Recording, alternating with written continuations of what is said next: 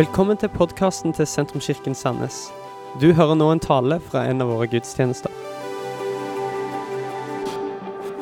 Du, Vi har bestemt oss for i Sentrumskirka at vi skal ta vi skal ta denne høytiden på alvor. For i Amerika så er thanksgiving det, Nå er det ikke akkurat nå i, eh, i oktober. at eh, Nå i begynnelsen av november en feirer en feirer eh, thanksgiving i Amerika, men i slutten av november. Tredje torsdagen i november. Men for en høytid. Først, det, det var jo vakkert å høre fra dette panelet. Jeg blir stolt av å være en del av den kirka som beskrives av disse menneskene som var framme her. Tusen takk for det som dere sa. Eh, så det å feire høsttakkefest, det å være takknemlige for det som er en del av, det å være takknemlige for det som har skjedd, det å være takknemlige for det Gud har gjort, det ønsker vi å fortsette med, og det ønsker vi å gjøre til en tradisjon. Og Hele ideen med å være takknemlig om høsten, hele ideen om å bruke høsten til å høste inn det vi trenger, den, den, den elsker jeg. Elsker ideen. Elsker ideen om å gå på jakt eh, om høsten elsker ideen om å fiske på høsten. Eh, elsker ideen om å plukke blåbær, eh, hente poteter, til og med hente epler. Til og med plukke ripsbær. Eh, og jeg elsker ideen om å plukke sopp. Eh, den ideen elsker jeg hver sommer, og hver høst så blir det travelt.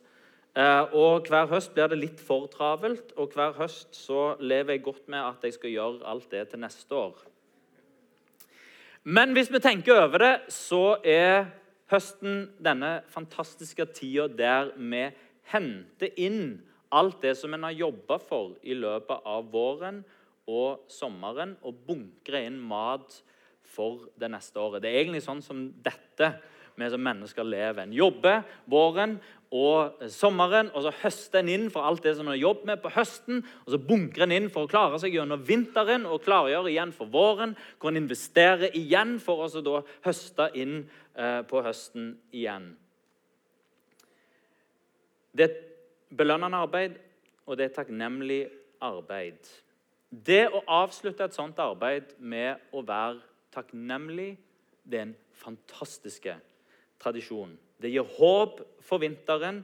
Det er å feire at Gud er med, og at Gud er forsørger, og at det er Han som står bak alt i sammen. Når vi gjør høsttakkefest i sentrum, så er det med den takknemligheten til høstens herre den samme takknemligheten som bonden har, den samme takknemligheten som jegeren har, og som fiskeren har, og som sankeren har. At han som er høstens herre, han har gitt oss det som vi trenger. Og han belønner vårt strev, og han belønner vårt arbeid. Og På den måten så er takknemlighet og tro de er kobla sammen. For Jeg jobber i tro på det som skal komme. Jeg høster inn med takknemlighet for det som Gud har gitt. Til sammen så gir det håp for vinteren. Det gir håp for det som ligger foran. Vi skal lese en tekst i dag, og den er velkjent. Den er fra Lukas 17. Eh, og Jeg har lest den før på høsttakkefest, og det gjør ingenting igjen. Det er en tekst som jeg kan ta opp igjen flere ganger. Lukas 17 og vers 11. På reisen til Jerusalem dro Jesus gjennom grenselandet mellom Samaria og Galilea. Da han var på vei inn i en landsby, kom ti spedalske menn imot han. De ble stående langt unna og ropte, 'Jesus, mester, ha barmhjertighet med oss.' Han så de og sa, 'Gå og vis dere for prestene.' Og Mens de var på vei eh, der, så ble de reine. Men en av de kom tilbake da han merket at han var blitt frisk. Han lovpriste Gud med høy røst, kasta seg ned for Jesu føtter med ansiktet mot jorda og takka han. Denne mannen var en samaritan. Jesus sa, 'Ble ikke alle ti reine? Hvor er da de ni?' Var det ingen andre enn denne fremmede som vendte tilbake for å gi Gud æren? Og han sa til han, 'Reis deg og gå. Din tro har frelst deg.' Det som er interessant her, er å se hvordan takknemlighet og tro er knytta sammen. Han kommer tilbake i takknemlighet. Jesus sier, 'Reis deg og gå. Din tro har frelst deg'. Takknemlighet, Troen ser tilbake med takknemlighet. Troen ser òg fram på det som Gud, eh, eh, med håp på det som Gud skal gjøre. Denne teksten her lærer oss at vi skal være takknemlige for det som Gud har gjort. Jeg tror En av vår tids største utfordringer er opplevelsen av at verden skylder meg noe. Eh, vi lærer, eh, I Vesten så lærer vi å stå på kravene. Vi har rettigheter, og de skal vi stå på. Eh, og verden skylder meg noe. Og en opplevelse av berettigelse. Jeg har rett på. Jeg har krav på. Og kanskje på andre sida av en sånn berettigelse så har vi det som vi kan se på dette bildet her. Eh, at eh, Hvis vi går tilbake sånn når, eh, når, jeg vokste opp, eller kanskje enda litt lenger, når mine foreldre vokste opp, så, så, så var det da, da, da, var foreldrene på lag med læreren mot sine barn. Hva, hva er det med disse, med disse karakterene? Nå så er det mer foreldre mot lærer på vegne av sine barn. Spør enhver lærer som har jobbet mer enn 30 år, om det faktisk er sånn. Og mange vil si at ja, det er ganske, det er ganske oppsummerende for hvordan en forholder seg til tenåringer og, deres, og unger og deres foreldre eh, nå. Eh, vi kan jo se et annet bilde her fra, fra Dette er jo da disse samaritanerne. Eh, som, som da, de velger jo da å fokusere på ja, ja, ja han eh, helbreder meg, men jeg er fortsatt stygg ja, jeg trengte ikke helbredelse, jeg trengte egentlig en, eh, en regnjakke.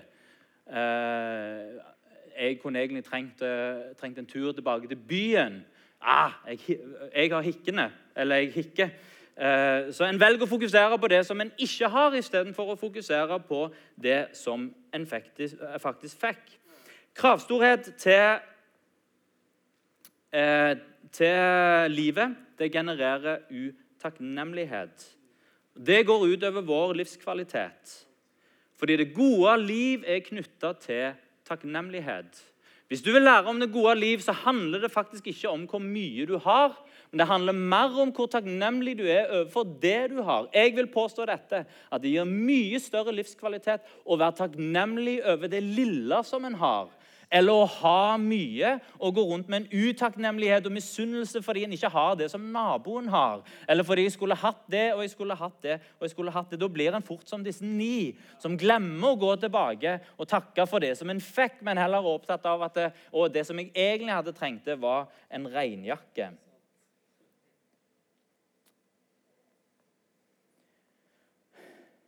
I samfunnet vårt så er jeg redd for at misunnelse og kynisme fort tar plassen til takknemlighet. For takknemlige mennesker er jo så naive. De går jo rundt og er takknemlige for det de har, istedenfor å stå på kravet for det som de skulle ha hatt. Det er ikke sofistikert å være takknemlig. Intelligente mennesker derimot er, de er gjerne sånn, sånn intelligent kynisme. Det er sofistikert der en er litt sånn kynisk innstilling til livet og har sånn intelligente vri på sin kynisme. Skal vi bruke hodet vårt til intelligent kynisme, eller skal vi bruke hodet og hjertet til å finne takknemlighet? Og Jeg tror ikke dette handler bare om vår tid. For eh, allerede i denne fortellingen her, så er det ni av ti som fokuserer et annet sted, og som glemmer å være takknemlige.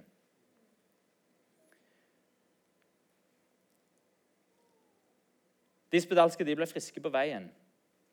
Når vi er takknemlige for det som Gud har gjort, så skal vi tenke på det at det som Gud gjør, er ikke alltid spektakulært. Jesus ber disse, eh, nei, disse spedalske om å gjøre noe veldig enkelt. Han sier, 'Gå og vis dere for prestene'.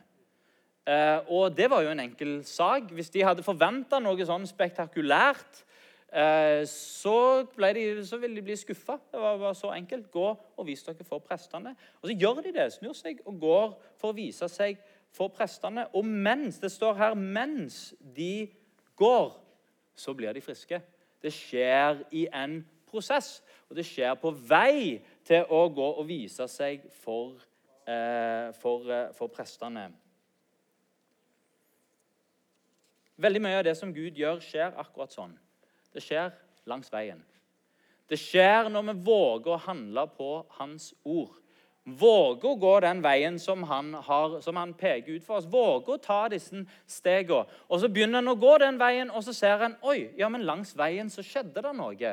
Langs veien så gjorde Gud et mirakel. Langs veien så ble jeg frisk. Eh, og når jeg kom fram til prestene, ja, men da var, da var jo denne spedalskheten vekke.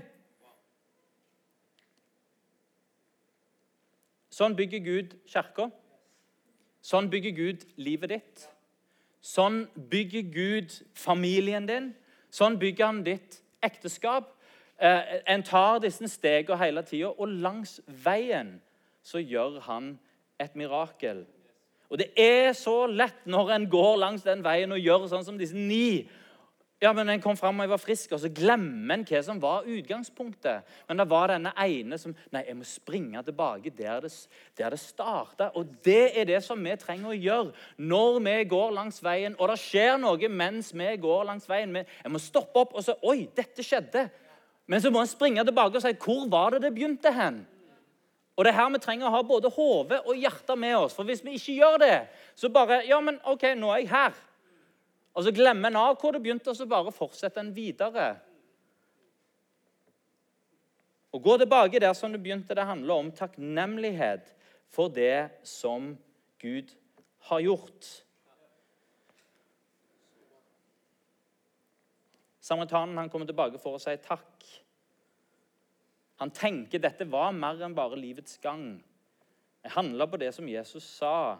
Jeg vågte selv om livet går tilbake igjen til normalt, så vil jeg gå tilbake igjen og så vil jeg si takk for det som begynte der. Vesten og meg sin opplevelse av hvordan vi ble sammen, og, og hele vår historie fra når vi eh, først ble kjærester og vi giftet oss, eh, det, det, er en, det, er en, historie om eh, små og store mirakler. Det var så mange bønnesvar. Og Vi så så tydelig Guds hånd i hele prosessen. Og jeg er så takknemlig til Gud for kona mi og for familien min. Eh, og det er flere ting som vi har opplevd Guds hånd i, som har skjedd langs veien, og som har skjedd i fortsettelsen. Men vet du, det er så enkelt at hverdagen slår, slår inn. Og så slår det flere ting inn i, i, hverdagen, og så skjer livet, og så fortsetter en. Og så, Det er så fort gjort å glemme hvor var det dette starta hen. Og hva trenger en å gjøre i forhold til sin ektefelle og sin familie? En trenger å gå tilbake igjen. Si, hvor var det det starta? Vise takknemlighet.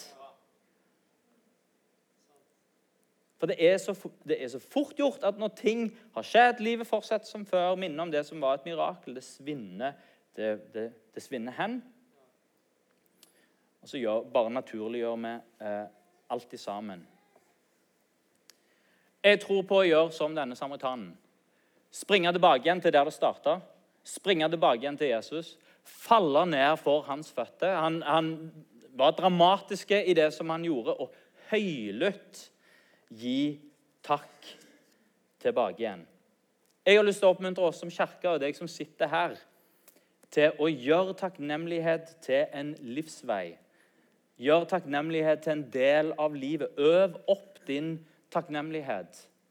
Jeg synes Det var kjempeinspirerende å høre Solveig, som for to år siden, eh, eller halvannet år siden, eller hvor lenge det var, fikk, fikk ei bok, og som bestemte seg, en sånn notatbok, og som bestemte seg for denne boka her skal jeg bare fylle opp med takknemlighet. Og begynte å skrive ned den ene tingen etter den andre. Det skjer noe med oss når en gjør sånne øvelser og begynner å sette fokus på hva har jeg å være takknemlig for, og la fokuset få lov til å være der. Høsttakkefest er en måte å lære opp vår takknemlighet. Vi tror på det Gud skal gjøre, så investerer vi denne samaritanen har, han får beskjed om at din tro har frelst deg. Hva slags tro? Den tro som kommer tilbake for å si takk. Hva var, denne, eh, hva var troen til samaritaneren? Han viser takknemlighet. Det er den første. For når jeg ser Gud i fortida, så klarer jeg å se Gud i framtida. Når jeg ser Gud i bakspeilet, så klarer jeg å se Gud i frontruta. Hvis jeg mister av syne Gud i min baktid, da er det veldig vanskelig å se Gud i framtida. Hvis jeg ikke ser Gud i bakspeilet, så klarer jeg heller ikke å se Gud, eh, Gud eh, foran meg. Hans tro var takknemlighet. Men han var òg villig til å handle på Jesu sine ord. Jesus sa til han, 'Vis deg for prestene'. Da snudde han seg, gikk til prestene for å vise seg der. Vi kan gjøre det samme. Investere med tro på det som Gud skal gjøre. Alle trenger vi et livsprosjekt som er større enn oss sjøl. Det, sånn, det er kanskje blitt en klisjé, det å leve for noe som er større enn seg sjøl. Eh, men det er sant. Hvis vi gjør sjølrealisering, hvis vi gjør det å realisere meg og mitt, hvis det blir livsprosjektet vårt, da sier Jesus at den som finner sitt liv, han skal miste det. Mens den som mister livet sitt for min skyld, han skal finne det. Hvorfor da? Jo, for det meningsfylte, det gode livet, det leves i noe som er større enn seg sjøl. Vi finner ikke mening når vi graver innover. Vi må se utenfor oss sjøl for å finne mening. Bare test ut dette. Hvis du er litt mørkredd, eller mye mørkredd, og hvis du er litt redd for rovdyr eh, og for banditter eh, Gå ut i en veldig mørk skog der du vet at det her fins det ulv og banditter. Og så skal du gå gjennom en sti i den skogen når det er helt svart, alene. Hva skjer for noen ting da? Du er livredd. Så tester du eh, Du trenger jo ikke teste dette, her, men du kan gjøre det et tankeeksperiment i, eh, i, i hodet. At du er der sammen med eh, Hvis du er storebror, med din lillebror. At du er der hvis du er mor eller far sammen med ditt, din lille sønn eller din lille datter. Og at du skal gå gjennom den samme skogen full av ulver og banditter, og det er helt mørkt.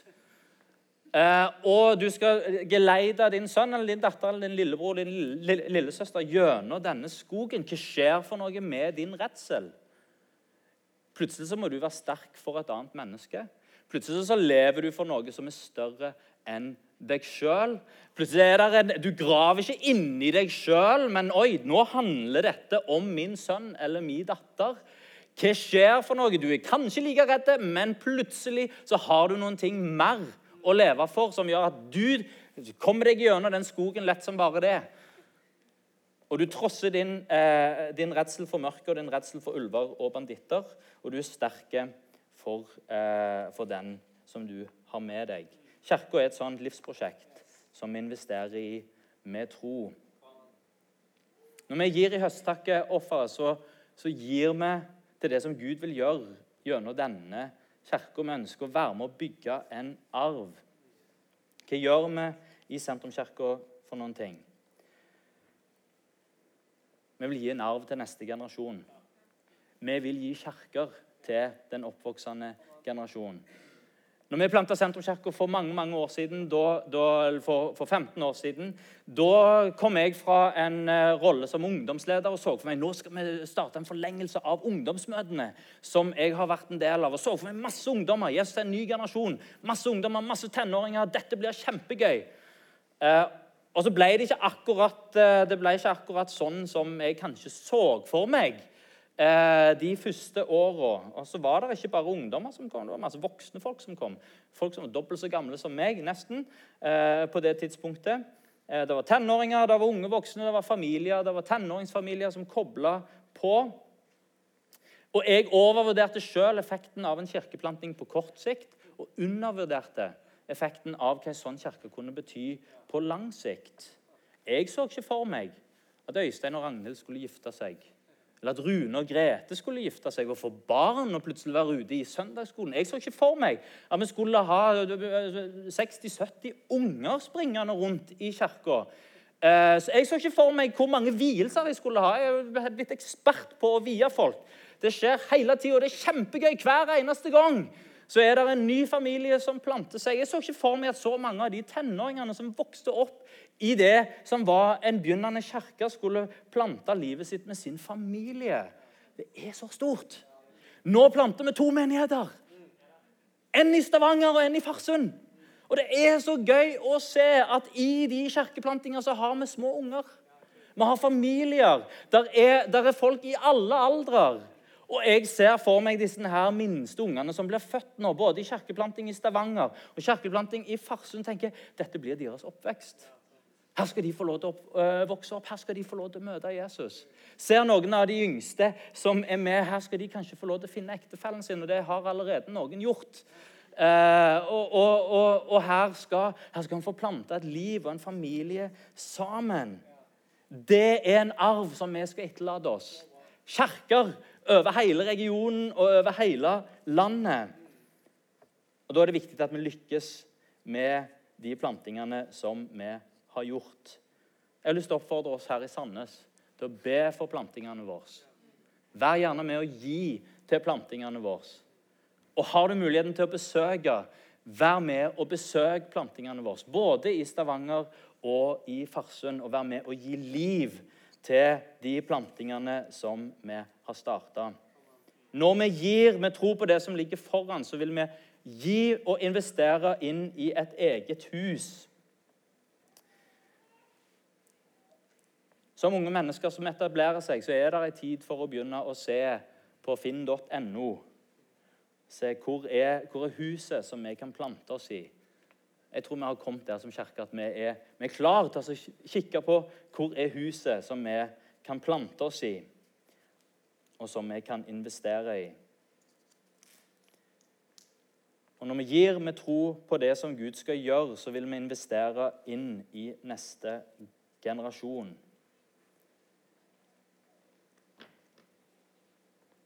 Hvis Sentrumskirka vinner i Lotto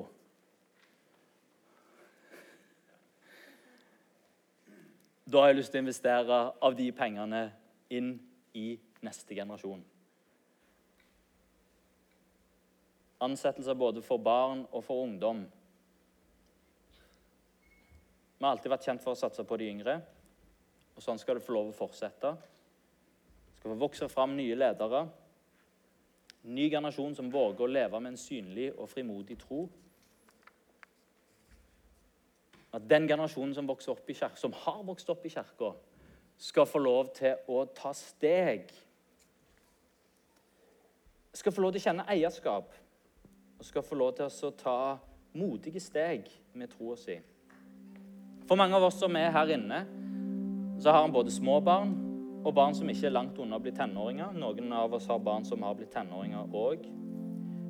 Jeg har lyst til å lære av mine foreldre. Invester din tro, og investere ditt engasjement der hvor dine barn er. Da får du enormt mange ting samtidig. Du får gjøre noe for Gud. Du får bety noe for kirka. Og du får bety noe for barn, andre barn i kirka. Og samtidig med det så får han bety noe for sine egne barn. Jeg syns vi mor er en helt.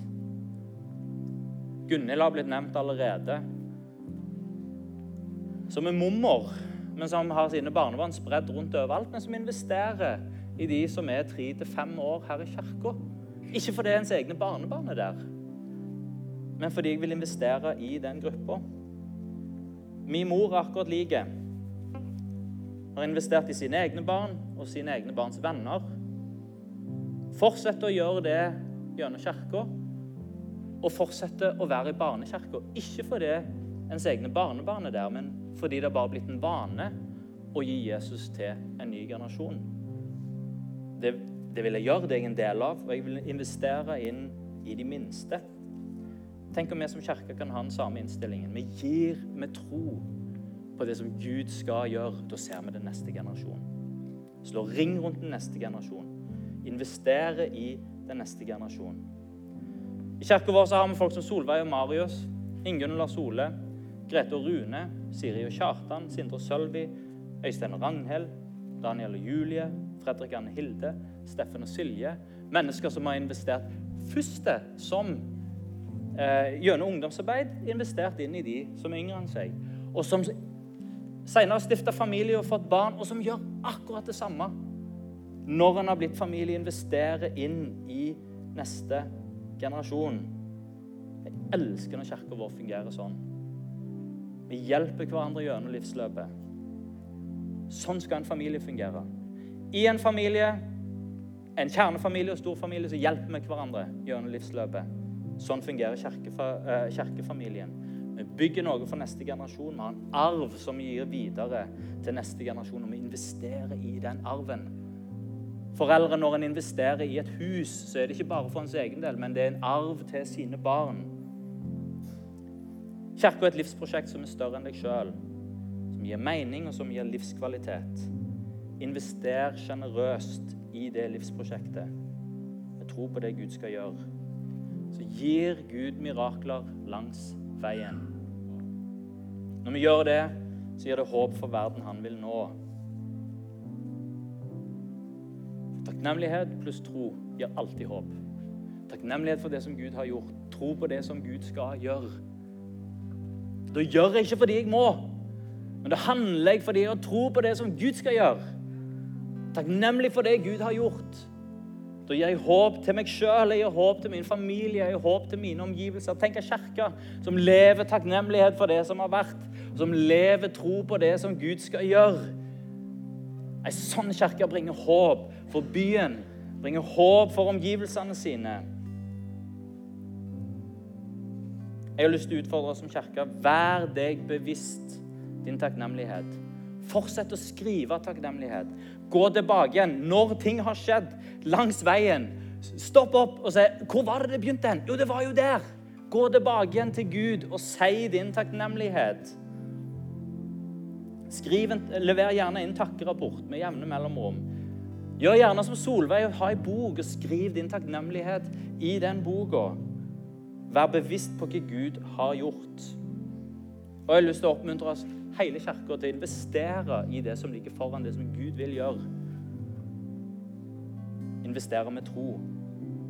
Nå har vi gitt eh, et høstakoffer, noen har gitt en løfteskave, andre har vippsa, noen har gitt på kort, noen har gitt kontanter. Hvis du ikke hadde forberedt deg til denne dagen, så har du mulighet hele denne uka til enten å vippse et høsttakkoffer eller, eh, eller å overføre et høsttakke, eller en, en høsttakkegave direkte på konto. Investere i det som ligger foran. Du har mulighet til å gi en gave òg etterpå ute i informasjonsstanden. Vi gir håp for det som ligger foran kan vi ta oss og reise oss.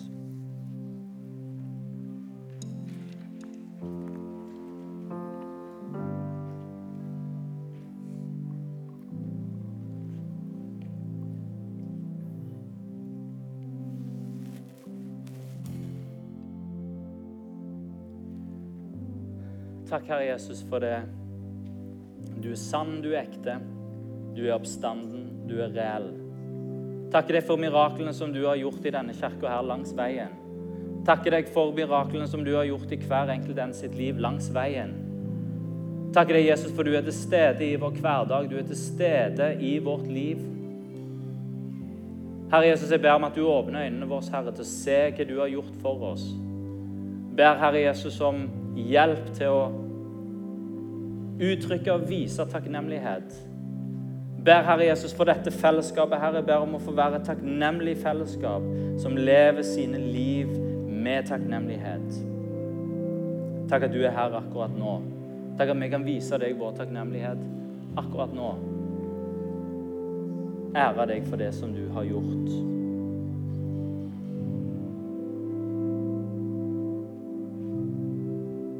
Mens vi holder øynene våre lukket og gir hverandre et personlig øyeblikk. Jesus, han er her. Vi kan komme med han, til han med vår takknemlighet. Vi kan investere i det som han skal gjøre, med tro. Og vi kan komme til han uansett hvor vi befinner oss hen. Hvis du er her og du vet at jeg har ikke Jeg har ikke tatt min bestemmelse. Jeg har ikke fått kontakt med Jesus og blitt kjent med han. Så kan du komme til han i dag.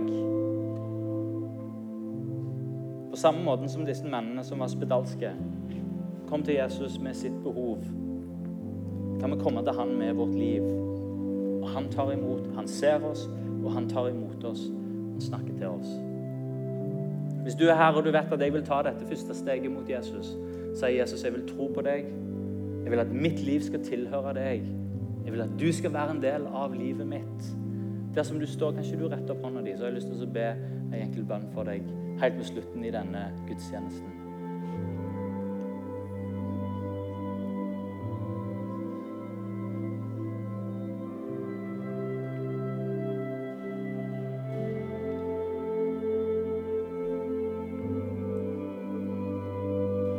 Straks lovsynge sammen? Jeg har bare lyst til å minne oss alle sammen på kultivere takknemlighet.